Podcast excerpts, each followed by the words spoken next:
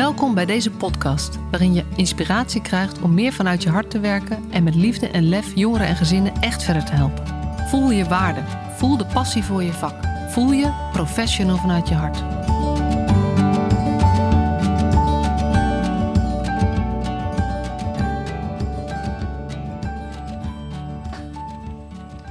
Leuk dat je weer luistert. Een nieuwe aflevering van de Professional vanuit je hart podcast vanaf mijn zolderkamer.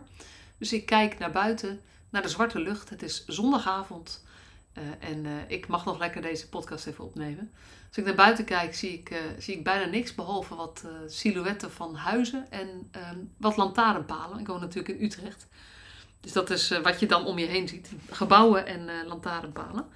Uh, en uh, afgelopen weekend heb ik weer, ben ik weer helemaal ondergedompeld in, mijn, in het boek wat ik aan het schrijven ben.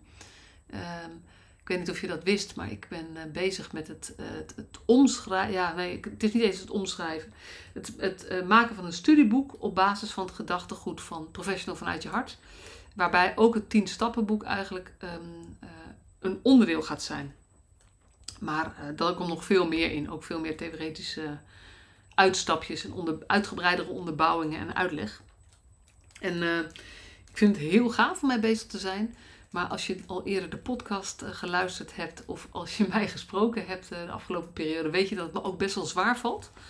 Um, omdat het, het, ik ben gewoon niet iemand um, voor wie het schrijven heel gemakkelijk gaat. Dus schrijven kost mij veel moeite. Maar um, ik vind het wel heel tof om te doen. En ik voel ook absoluut dat het wa waarde heeft om, er, om het af te maken. En dat het, dat het mensen kan helpen om eigenlijk zich bewuster te zijn. Bewust te worden van zichzelf. En meer ja, grip te krijgen op zichzelf. Voordat ze eigenlijk terechtkomen in een wereld waarin je continu op zoek bent naar hoe jij jezelf kunt handhaven of stand houden ten opzichte van de systeemwereld die van alles van je vraagt. Terwijl jij uh, nou ja, vanuit je hart soms iets anders zou willen doen. Dat is toch een hele grote uitdaging. En uh, helaas hoor ik veel van jonge professionals terug dat ze, dat ze daar niet goed op voorbereid zijn op hun opleiding. Dat dingen toch in de praktijk heel anders zijn dan wat ze meegekregen hebben. En dat ze het gevoel hebben dat ze, nou ja, dat ze veel gemist hebben over het stuk waar ik eigenlijk mijn trainingen over geef. Dat is heel erg uh, op basis van wie je bent en wat je vindt. Um, en, en wat je daar vervolgens mee doet. Um, en ik hoop met, met mijn boek daar ook wat aan te kunnen bijdragen. En um, het is heel grappig dat nou, eigenlijk een heel simpel constructje, wat ik al een paar jaar geleden voor het eerst geschetst heb, nu steeds weer terugkomt. Dat uh, als je het hebt over, over professional vanuit je hart, waar gaat het dan om? Of wanneer ben je dat dan? Je kan er niet echt een definitie van geven. Tenminste, ik kan er niet echt een definitie van geven wat ik bedoel met professional vanuit je hart. Maar het gaat wel over een combinatie van hart en hoofd en handen.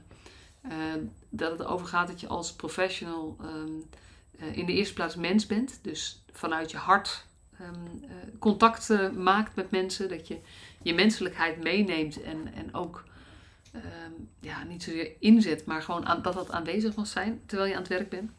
Dat je gelijkertijd heel veel vakkennis hebt en dat je die ook zeker gebruikt. Dus dat, uh, uh, dat hoofd van je met alle kennis en expertise die je, uh, die je meegekregen hebt, ook in de opleiding, maar ook daarna, is absoluut heel waardevol. Dus dat hoort erbij. Dat is ook professionele afwegingen. dat is onderdeel voor mij van professioneel werken. Maar het gaat ook echt over die, die handen, die actie. Want um, ja, als je heel, heel, heel goed kan denken uh, hoe het in elkaar zit, of je kan uh, heel veel liefde geven, um, heel veel liefde voelen, maar je doet er niks mee, dan heeft iemand er niks aan. Uiteindelijk word je toch je, um, uh, wat je handelen in de praktijk is wat uiteindelijk doorslaggevend is voor de mensen met wie je te maken hebt. Dus professional vanuit je hart, daar zit hoofd en, en hart in. Maar het gaat ook echt over het handelen. En, en die drie gebieden, die, die, die hangen met elkaar samen. Die werken met elkaar samen en een balans daartussen vinden. Dat is volgens mij waar, uh, waar professional vanuit je hart over gaat. En het is wel grappig om daar. Nou, grappig is een heel luchtige term. Het is namelijk ook soms best wel even lastig om, om, daar, om daar woorden aan te geven. En zeker omdat tekst zo plat is. Dus laat mij maar praten, dat kan ik wel. en zeker als ik vragen krijg, kan ik er heel gemakkelijk ook verdiepend over gaan praten. Terwijl als je, terug als je het terug moet brengen tot tekst, dan voelt dat als, als tweedimensionaal. en laat ze iemand eigenlijk van ja, tekst is zelfs eendimensionaal, is, is lineair. Dus nou ja, met wat afbeeldingen erbij maak je het nog tweedimensionaal. Maar je hoofd, mijn hoofd in ieder geval, kan veel, uh, veel meer dimensies tegelijk bedenken. Dus uh, daar zit mijn grote uitdaging in. En nou ja, ik uh, ga er rustig mee door. Ik probeer me niet gek te laten maken door het feit dat, dat het heel fijn zou zijn als ik bepaalde deadlines haal. maar gewoon gestaag door te werken en te bouwen en te schrijven en uh, te, te, doordenken. Vervolgens te schrappen, deels opnieuw te beginnen, maar eigenlijk wel te merken dat het steeds meer tot een geheel komt. Dus dat is wel heel tof. En dan denk ik ook maar steeds, ja, 5%, stapjes van 5%. En heel vaak ga je een stapje terug en dan ga je weer verder. En zo groei je, zo, zo groei, ik zelf, groei ik zelf ook. De podcastaflevering van vandaag is uh, voor mij is geïnspireerd door uh, waar ik vorige week zondag was. Ik was namelijk in Amsterdam in de Kleine Comedie, het theater De Kleine Comedie, bij de theatervoorstelling van Moraya. Moraya Lopez. Zij is um, singer-songwriter. Uh, ze is ook ervaringsdeskundige binnen de jeugdzorg. En zij heeft een album gemaakt met haar, met, met twaalf liedjes, uit mijn hoofd twaalf liedjes over haar ervaringen in de jeugdzorg. Ehm, wat niet alleen haar ervaringen zijn, maar wat ook waar ze haar ervaringskennis, dus ook van andere jongeren de ervaringen in heeft meegenomen. En ehm, ik heb een heel bijzondere band met Moraya. Ze is al twee keer te, gast geweest in de podcast. Nummer 64 eh, was de eerste keer. En toen heeft ze verteld over nou ja, dat ze graag dit album wilde gaan maken. En toen heeft ze ook verteld over een aantal dingen wat, wat de jeugd, opgroeiende jeugdzorg voor haar betekend heeft. Mm, en ehm, in aflevering 194 is ze nog een keer gekomen. Toen ehm, eh, was het album klaar. De liedjes waren allemaal klaar, maar nog niet allemaal gereleased. Uh, en ehm, eh, ik, mocht, ik heb mogen bijdragen aan dat zij dit album ging maken. En dat was heel erg tof. En in die, in die podcast, die we volgens mij in oktober hebben opgenomen, vertelt ze dus dat ze een theatervoorstelling gaat maken.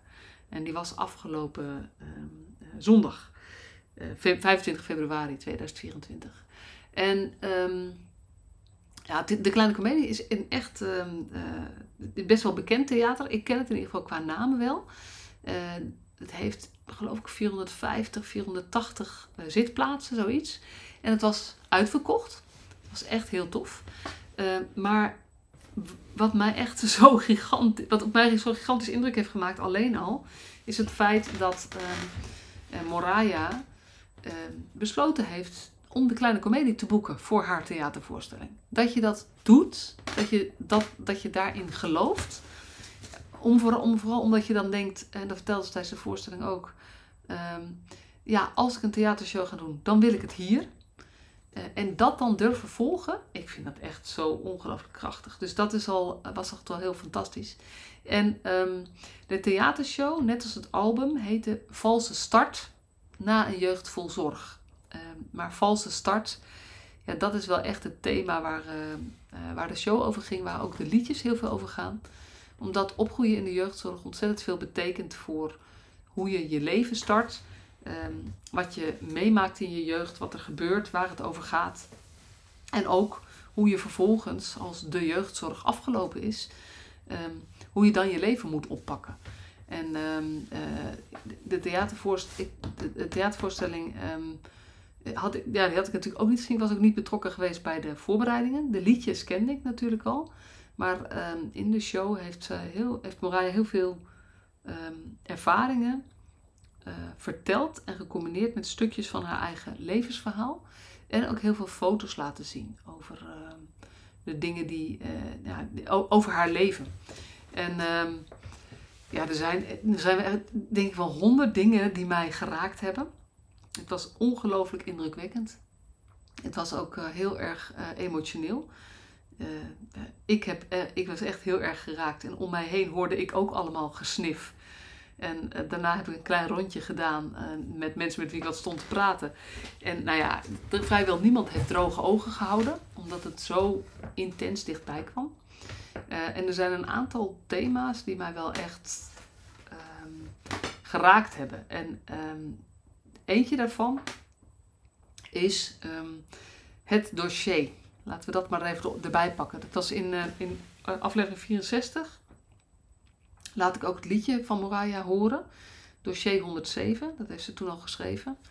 was het eerste nummer wat ze heeft uitgebracht. Ook hoe ik met haar in contact ben gekomen, omdat ik dat echt ontzettend indrukwekkend nummer vind. Ehm, en eh, in deze theatershow ging ze daar eigenlijk ook weer nog meer op in. Wat ze bijvoorbeeld gedaan had, was dat iedereen een map kreeg en daar stond dan dossier 107 uh, eh, voorop. alsof je nou ja, gewoon een dossier van een kind uh, in je handen hebt. En um, op een moment in de show vertelde Moraya dat ze, nou ja, wat, voor haar, wat haar, voor haar gewoon zo verbazingwekkend is en ook heel verdrietig, is dat er een heel dik dossier van haar is. Terwijl nergens in dat dossier genoemd staat dat ze van muziek houdt en zingen. Terwijl ze dat altijd al gedaan heeft en dat ook haar uitlaatklep was en ook haar, uh, ja, waar ze gewoon heel goed in was. Eh, maar ook wat ze heel fijn vond om te doen. En het is natuurlijk verbazingwekkend dat zo'n dossier eigenlijk vol zit met alle dingen die er niet goed gaan, uh, alle dingen waar mensen zich zorgen over maken.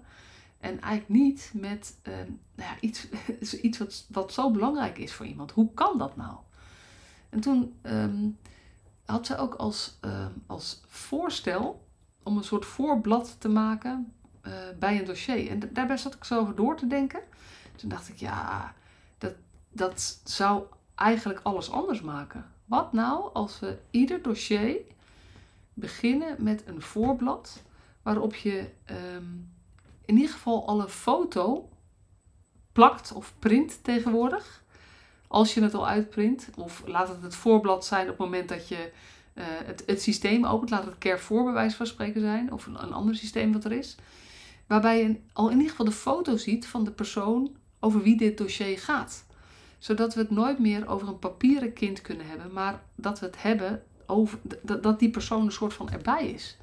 Stel je eens voor dat we uh, bij het bespreken van een, van, een, uh, ja, van een ingewikkelde casus, zoals we dat noemen. Ik was laatst uh, ergens mocht ik spreken, dat ging over het expertise team. En daar wordt dan ingewikkelde, complexe casuïstiek besproken.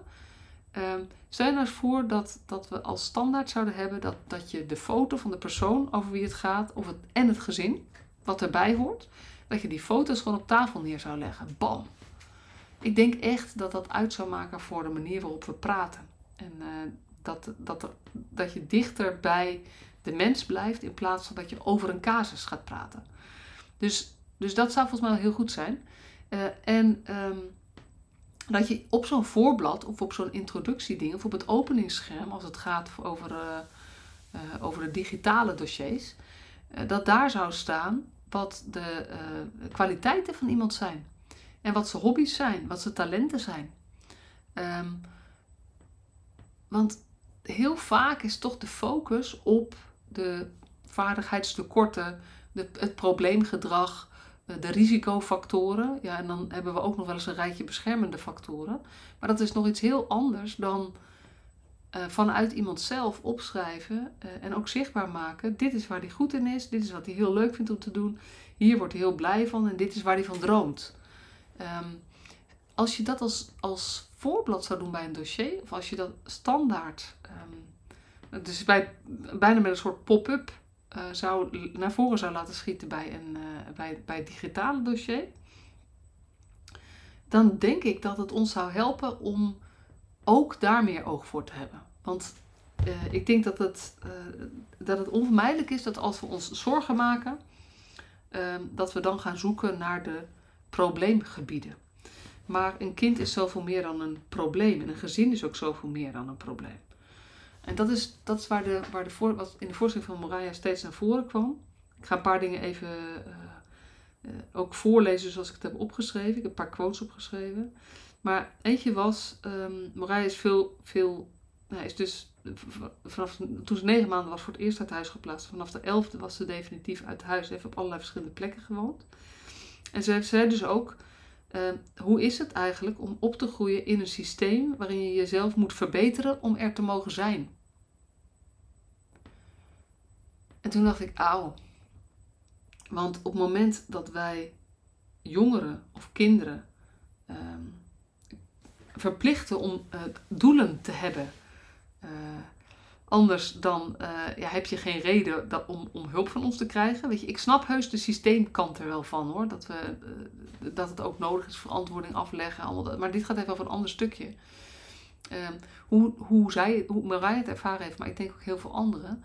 Als je geen doelen hebt, of als je niet genoeg aan die doelen werkt, Ehm, ja, dan mag je hier dus niet zijn. Dan ben je niet gemotiveerd genoeg of dan wil je je niet laten helpen. Als je niet genoeg vooruitgang boekt, heeft het dan wel zin. Maar het gevoel wat je uiteindelijk eh, dan, ehm, eh, wat er over blijft of over kan blijven, is: ehm, ik moet mezelf verbeteren om er te, om er te mogen zijn. En, um, en vertelde ook over de reis die ze gemaakt had langs verschillende groepen, uh, gezinshuis, intensieve hulp. Uh, nou ja, alle, allerlei uh, vormen van hulp.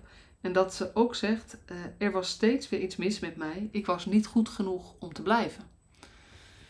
Ja, dat is. Um, dat gevoel is het gevolg van het feit dat wij handelingsverlegen zijn. En onze handelingsverlegenheid vertalen we vaak in dat we zoeken naar de best passende hulp. Maar als het betekent dat een kind dan ergens anders heen moet. En overigens denk ik dat dit ook voor volwassenen geldt die bijvoorbeeld binnen psychiatrie op zoek zijn naar hulp. Maar waarbij gezegd wordt van nee, we kunnen je hier niet helpen, we verwijzen je daar en daarheen. Uh, dat je niet goed genoeg bent om te blijven. En dat is wel, um, ja, als, als zeg maar zelfwaarde toch een van de basale problemen is van, van de mensen die, um, die vastlopen jezelf voldoende waard vinden en het gevoel hebben dat je de moeite waard bent, ja, dan wat doen wij dan eigenlijk uh, als wij vanuit ons systeem denken van ja, maar de best passende wil, hulp is niet hier, maar is ergens anders. Dus dit is echt, um, ja, die kwam bij mij wel echt heel erg binnen, omdat ik dus ook denk dat we, we zijn soms zo ontzettend hard aan het werk om te zorgen dat um, uh, omdat we zo graag willen dat de situatie verbetert of het gedrag verbetert, waardoor de situatie verbetert. Um, maar die gevoelslaag die eronder zit, daar hebben we veel minder aandacht voor. En daar, uh, daar is ook minder ruimte voor, omdat we vaak bezig zijn met het, uh, bedenken hoe we iemand verder moeten helpen, wat de volgende stap zou kunnen zijn, waar iemand aan zou kunnen werken. Terwijl als ik naar mijn eigen kinderen kijk, ehm, nou, ik heb vier kinderen van uh, 6, 8, 14 en 16. Uh, daar praat ik ook niet mee. Waar zou je aan willen werken? En um, gewoon kind mogen zijn. Uh, ja, dat gun, dat gun ik die kinderen ook. En mensen die in de, in de volwassen psychiatrie bijvoorbeeld geholpen worden. Uh, als we die ook, ik denk dat hetzelfde geldt. Als we bezig zijn met, ja, maar waar ga je aan werken of hoe ga je stabiliseren? Heel veel mensen zullen eerst er moeten mogen zijn. En mogen die er ook zijn. En wat doen wij daarin? Wat doe jij daarin? En hoe zouden we dat beter kunnen doen? Um, dan kunnen we het natuurlijk hebben over de, uh, hoe we het systeem hebben opgebouwd. Dat we het anders zouden moeten organiseren. Um, ja, dat is waarschijnlijk waar. Maar dat gaat buiten mijn cirkel van invloed. En als ik het dan weer terughaal naar wat we zelf kunnen betekenen, denk ik dat dit heel erg een houdingsaspect is. Wat heel erg, het heel erg belangrijk is dat je in je houding laat merken: hé, hey, ik zie jou, ik hoor jou, ik vind je belangrijk en je mag er zijn. Punt. Um, en dat we echt ruimte moeten maken voor dat um, uh, zijnsstukje. En een van de podcasts die ik opgenomen heb, ook een, uh, een, een, tijdje geleden, dat was over verschillende thema's van het boek, die zelfdeterminatietheorie. Uh, waarbij het gaat over mensen komen pas in beweging. Mensen kunnen pas gemotiveerd zijn op het moment dat ze voldoende autonomie, verbondenheid en competentie ervaren. Dus um, daar zie ik ook gewoon een linkje. Dat, dat door te, uh, zeg maar, nou ja, bewust met doelen te werken en um, uh, steeds gerichter zijn op wat kan iemand leren, waar moet je aan werken. Dat, is, dat doet ook afbreuk aan die intrinsieke motivatie op het moment dat iemand zich gewoon niet verbonden voelt met belangrijke mensen om zich heen. Want dan kan het namelijk niet. En dan kan je wel op kracht bepaalde gedragsdingen oefenen. En ik wil niet zeggen dat het altijd verkeerd is. Ik, ben, ik zeg ook niet, we moeten alle doelen afschaffen. Maar ik ben er wel heel erg over het nadenken van, van de manier waarop wij werken met doelen. Draagt dat bij? Draagt dat bij aan een, goede, aan een ontwikkeling de goede kant op? Dus niet eens aan een goede ontwikkeling, maar aan een ontwikkeling de goede kant op. En um, ja, uh, ja die, die, mooie quote, uh, gras groeit ook niet harder door eraan te trekken.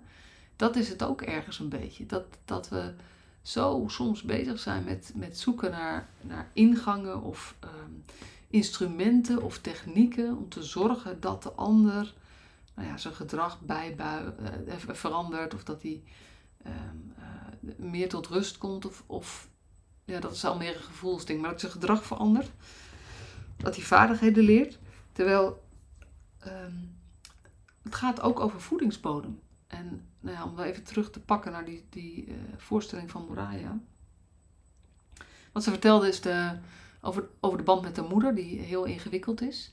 En um, er is veel gebeurd. Ze hebben, uh, ja, dat, de relatie is ook nu heel moeilijk.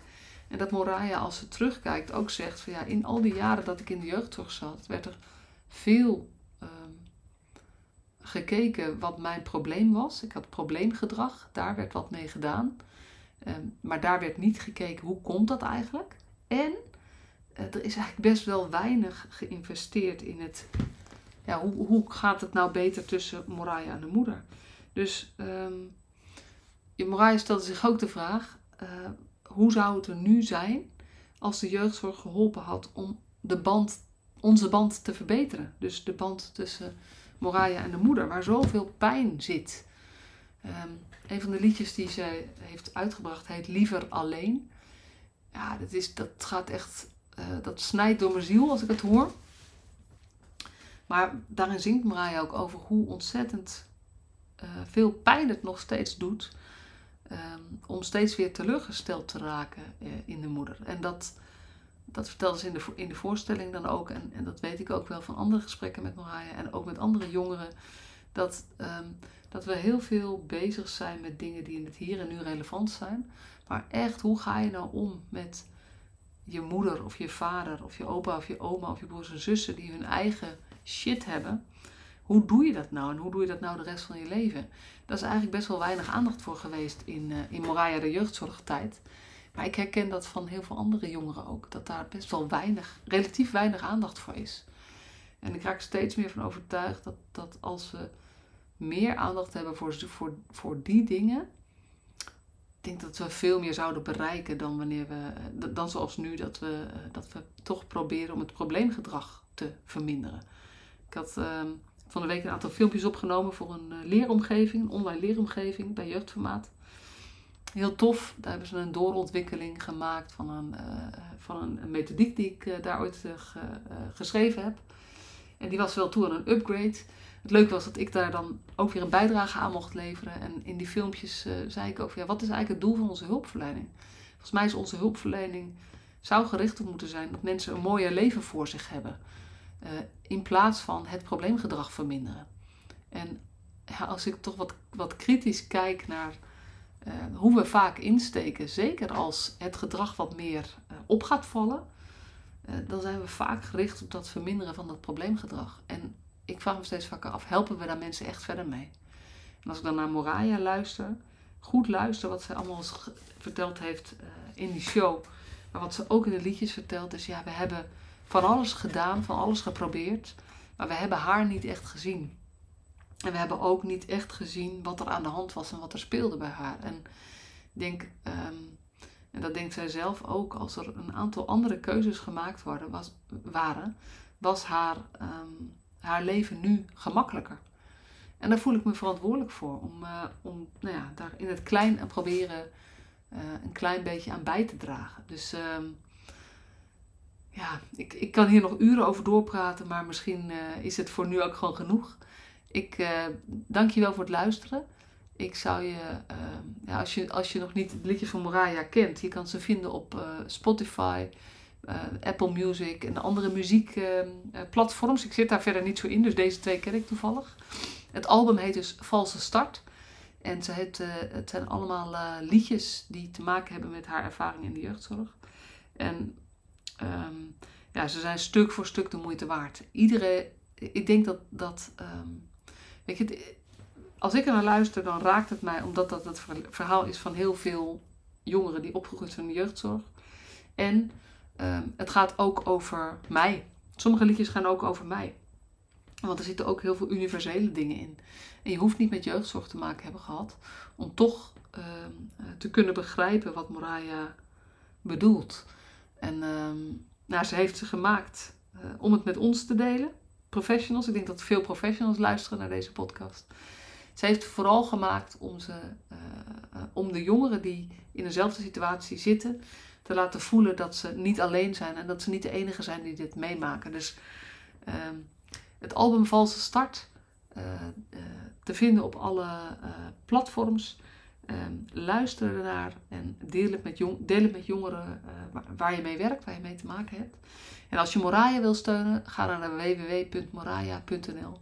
En dan vind je daar, ik weet niet precies waar, maar ergens een knop zodat je haar kan steunen om verder te gaan met, met de missie om de stem van het kind meer te laten horen.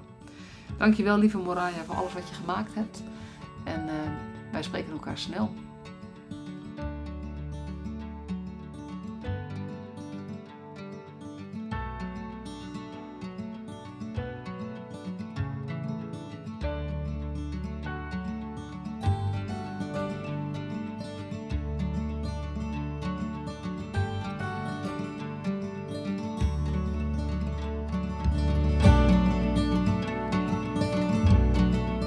Superleuk dat je weer luisterde naar deze podcast. Dankjewel. Nog even kort een paar belangrijke dingen. Ten eerste, het is mijn missie dat de jeugdhulp weer een sector wordt waarin bevlogen, liefdevolle professionals jongeren en gezinnen echt verder helpen. Daarom maak ik deze podcast voor jou. Wil jij deel uitmaken van deze beweging van Professional vanuit je hart, waarin professionals elkaar steeds opnieuw inspireren? Begin dan met het lezen van mijn boek. Je kunt de eerste hoofdstukken helemaal gratis lezen. Ga naar professionalvanuitjehart.nl slash boek. Ten tweede, wil je alle podcastafleveringen overzichtelijk onder elkaar? Abonneer je dan op deze podcast. Klik in je podcast-app op de button subscribe of abonneren. En elke keer als er een nieuwe podcastaflevering gepubliceerd wordt, ontvang je automatisch een berichtje. Ten derde, ondersteun je mijn missie? Geef me dan een review via je podcast-app, bijvoorbeeld iTunes of Spotify. Op die manier kan ik nog meer professionals bereiken. En ken je een collega voor wie deze podcast ook interessant is? Dan zou het super zijn als je hem of haar de podcastaflevering doorstuurt. Bijvoorbeeld door de link te kopiëren via Spotify.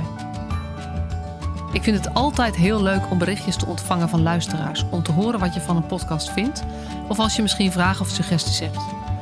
Of als een aflevering je een bepaald inzicht heeft gegeven of er iets in beweging is gekomen. Stuur me dan even een berichtje op masha.professionalvanuitjehart.nl via de website of stuur me een connectieverzoek op LinkedIn.